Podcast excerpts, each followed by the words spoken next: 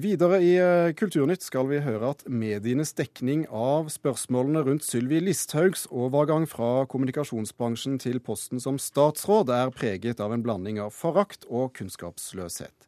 Det skriver Hans Christian Vadseth i en kronikk i Aftenposten i dag. Vadseth er seniorrådgiver i firmaet First House, som Listhaug forlot for eh, statsrådsposten. Og Vadseth, eh, la oss ta begrepet forakt først. Hva er det norsk presse forakter? Eh, norsk presse har behandla Sylvi Listhaug helt annerledes enn alle de andre statsrådene. Det er 18 statsråder i regjeringa. 17 eh, av dem legger media til grunn er i utgangspunktet habile, og én legger dem til grunn er i utgangspunktet inhabil. Uten å ha noe spesiell grunn til det. De omtaler Sylvi Listhaug som en PR-agent ved kongens bord. Sylvi Listhaug er en statsråd ved kongens bord, sånn som de 17 andre. Og de omtaler også eh, den bransjen som jeg representerer, på en ekstremt omtrentlig og foraktfull måte, og på kommentarplass. Og en av tingene som jeg er bekymra for da, det er jo at den forakten som kommer til uttrykk der, også smitta over på reportasjedekninga av denne saken. Og Det syns jeg vi har sett bevis på. Ja, hva er det journalistene og kommentatorene i avisene ikke forstår? Først First House, for å ta oss som eksempel, har eksistert i fire år. I fire år eh, har det blitt fortalt de samme historiene om oss om igjen og om igjen. Den siste uka har det vært tusen... Nei, jeg har jo, Det er jo mye hemmelighetskremmeri. Den, siste uka har det vært, den, den siste uka har det vært 1000 medietreff på First House. Helt fint. Eh, vi er en høyprofilert virksomhet som, som tåler medieomtale. Men den medieomtalen som både Sylvi Listhaug er blitt til del, og First House er blitt til del, den må jo bygge på de samme presseetiske prinsipper som all annen journalistisk virksomhet. Da Kaja Storvik, redaktør i Dagsavisen. Din kommentator Hege Ulstein er en av dem Vadseth går løs på sin kronikk i dag. Føler du at Dagsavisen er full av forakt og kunnskapsløs?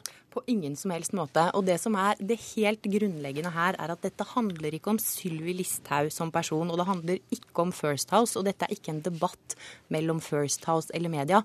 Dette her handler om troverdighet og åpenhet, som er to helt grunnleggende verdier for at vårt demokrati skal fungere. Og det handler om eh, en person som har fått et av de altså, ypperste tillitsvervene og av de, en av de mektigste posisjonene vi har i Norge, som er statsråd, eh, og hvordan vi eh, ser på hennes mulighet til å fylle sin rolle. Og I tillegg så handler det om Stortingets eh, mulighet til å fylle sin rolle som kontrollorgan overfor regjeringa. Men hvorfor er det mindre trolig at eh, Listhaug greier eh, å holde hattene sortert her, i forhold til f.eks. For Knut Olav Åmås, som er eh, ny statssekretær i Kulturdepartementet, som nå skal behandle medieeierskap i forhold til sin gamle Skipsted-arbeidsgiver? Vet du, Det er en kjempestor forskjell på f.eks. For Åmås eh, og eh, Sylvi Listhaug. Og den store forskjellen er at vi vet hvor Åmås kommer fra. Det er ikke noe problem. Han kommer fra Skipsted, og han kommer fra Aftenposten, og det er åpent og kjent for alle og det vet vi. Eh, mens Sylvi Listhaug har eh, en masse bindinger som vi ikke vet hva er, og, så, og som hemmeligholdes. Eh, ser, og det er sånn at, at, det er første gang at vi har en statsråd som kommer rett fra bransjen, og det er helt annerledes å være statsråd og å være statssekretær. Må, eh, og, ja, men, får bare avslutte. Og kanskje er ikke det en god ting. Eh, det snakkes om yrkesforbud og sånne ting, det nevner jo du eh, i din, i din, kronikk. og bare gjør Det helt klart, det er ikke en rettighet å være men statsråd. Kanskje, kanskje vi prøver å bringe denne debatten tilbake til det han handler om. Min kronikk handler om medienes håndtering. Jeg skjønner at Kaja Storvik har lyst nok en gang å diskutere Sylvi Listhaug og diskutere kommunikasjonsbransjen. Eh, det jeg tar opp, er jo helt konkrete ting knytta til media sin måte å håndtere denne saken på. Eh, det ene er jo den mistenkeliggjøringa som vi har vært innom, som er forskjellsbehandling av Sylvi Listhaug og alle andre. Det andre er kildebruken til media. Eh, der man f.eks. har funnet frem til juridisk ekspertise som drar i én retning alle sammen.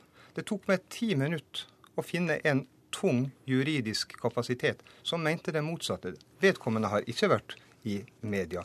Og det tredje, og det syns jeg er nesten det alvorligste, det er at pressa sjøl har hatt en gjennomgang og en gransking av sin egen virksomhet. Nedsatt, et utvalg nedsatt av Norsk Presseforbund.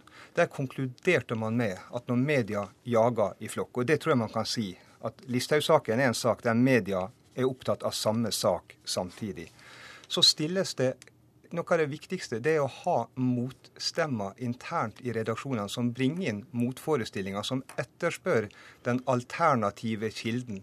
Og jeg lurer på, etter å ha hørt Kaja Storvik, så tviler jeg på at hun er det modererende elementet som er djevelens advokat og utfordrer Hege Ulstein i Dagsavisen. Men Storvik, som... Eh, når, eh, når eh, flokkdyrmentaliteten herjer i pressen, det, så, så sier vel skolebøkene i journalistikk at da bør man noen se en annen vei? For å ta det siste først. For det første så, så, er det sånn at de oppsummeringene som er gjort i sånne saker, det handler jo om folk som, som har vært pressa på, på, andre ting. Altså det handler i stor grad om Tore Tønne-saken. Eh, Nei, det, det, det, blir for drøyt at du nei, men, nei, men, la, nei, nå, nå, nei, nå må du la meg snakke ferdig. Dette, å jage i flokk Nei, men la, la, meg, la, meg, snakke ferdig nå. Eh, det, altså, og det som er, er at det, det handler om, om, folk som er i en sårbar situasjon, og som, som presses eh, i forhold til det. Det som er situasjonen her, er at Sylvi Listhaug eh, eh, har en masse bindinger som hun holder hemmelig.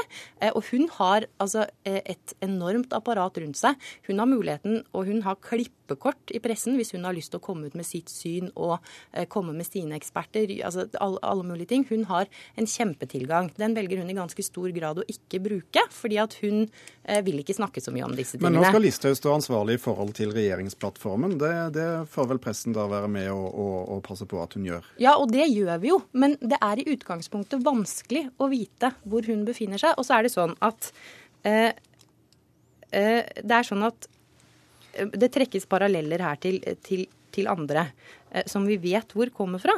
Problemet er jo ikke at hun har en bakgrunn. Problemet er at vi ikke veit hva det er. Hvis, hvis, kanskje vi diskuterer journalistikken nå i stedet for Listhaug-saken. Og Det som, som, Kaja Storvik innfører her, det er jo en helt ny form for presseetikk. Der når pressen jager i flokk, så kan man definere ja, de sårbare må man ta spesielle hensyn til, mens alle andre skal man ikke ta spesielle hensyn til. Men, det, det, som lå i, i, i utvalget uh, som la frem disse anbefalingene, det var at det er en dynamikk og da må noen ta den rolla. Jeg legger merke til at Storvik har ikke sagt noe om hvem har tatt den rolla i Dagsavisen. Altså, vi, men, men, vi diskuterer, på det? men vi diskuterer disse sakene fram og tilbake hele tida. Eh, og det er jo sånn også, også da, skal sies at det er helt mulig å finne en jurist som støtter, uh, støtter Sylvi Listhaug. Og det har vi også hatt på trykk saker hvor sånne stemmer har kommet til orde. sånn at det du sier om det er feil, og det har vel også de fleste andre medier. Men det er ikke hovedsida i denne saken. Det er vel i veldig stor grad dere og Sylvi Listhaug som mener at dette er helt greit, og Nei, veldig hoveds, mange andre syns det er vanskelig. Hovedsida i min kronikk er å påpeke at media er en maktinstitusjon. Det er helt og, riktig at og, media og, er en maktinstitusjon, og i denne saken la, la At media er en maktinstitusjon. Og jeg savner refleksjon knytta til det. Da jeg hadde skrevet denne kronikken og den ble lagt ut på Aftenposten. Det første som kommer fra en kjent norsk kommentator, det er at nå har First vist at de heller ikke kan media. Jeg har jobba i media i 25 år. Jeg har vært redaktør i 10 år. Jeg har jobba med kompliserte saker. Selvfølgelig kan jeg media. Og hva herskerteknikk er det fra media? Jo, de ønsker ikke å diskutere dette. Og det ser vi på Storvik. Og så vil heller diskutere Listhaug-saken. Og nettopp din uh, tidligere karriere fra VG og Fedrelandsvennen bl.a. Uh, hva gir det deg for tips å komme med til uh, dagens journalister for å få orden på tingene her? Søk bredere kildetilfang.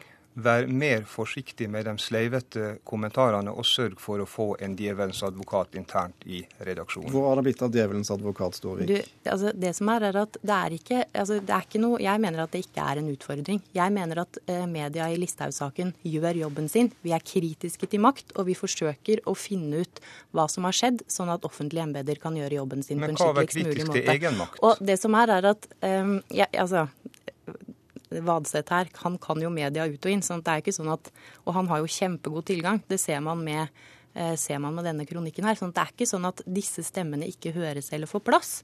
Eh, snarere tvert imot. De får stor plass, og det er velregissert. Ville du trykket hans kronikk i din avis? Hadde ja. du fått den? Ja, det hadde vi gjort. Men det var en grunn til at det gikk til Aftenposten. De har ca. ti ganger så mange lesere. og en statssekretær i regjeringen. Takk skal dere ha, Hans Christian Vadseth fra First House og Kaja Storvik, redaktør i Dagsavisen.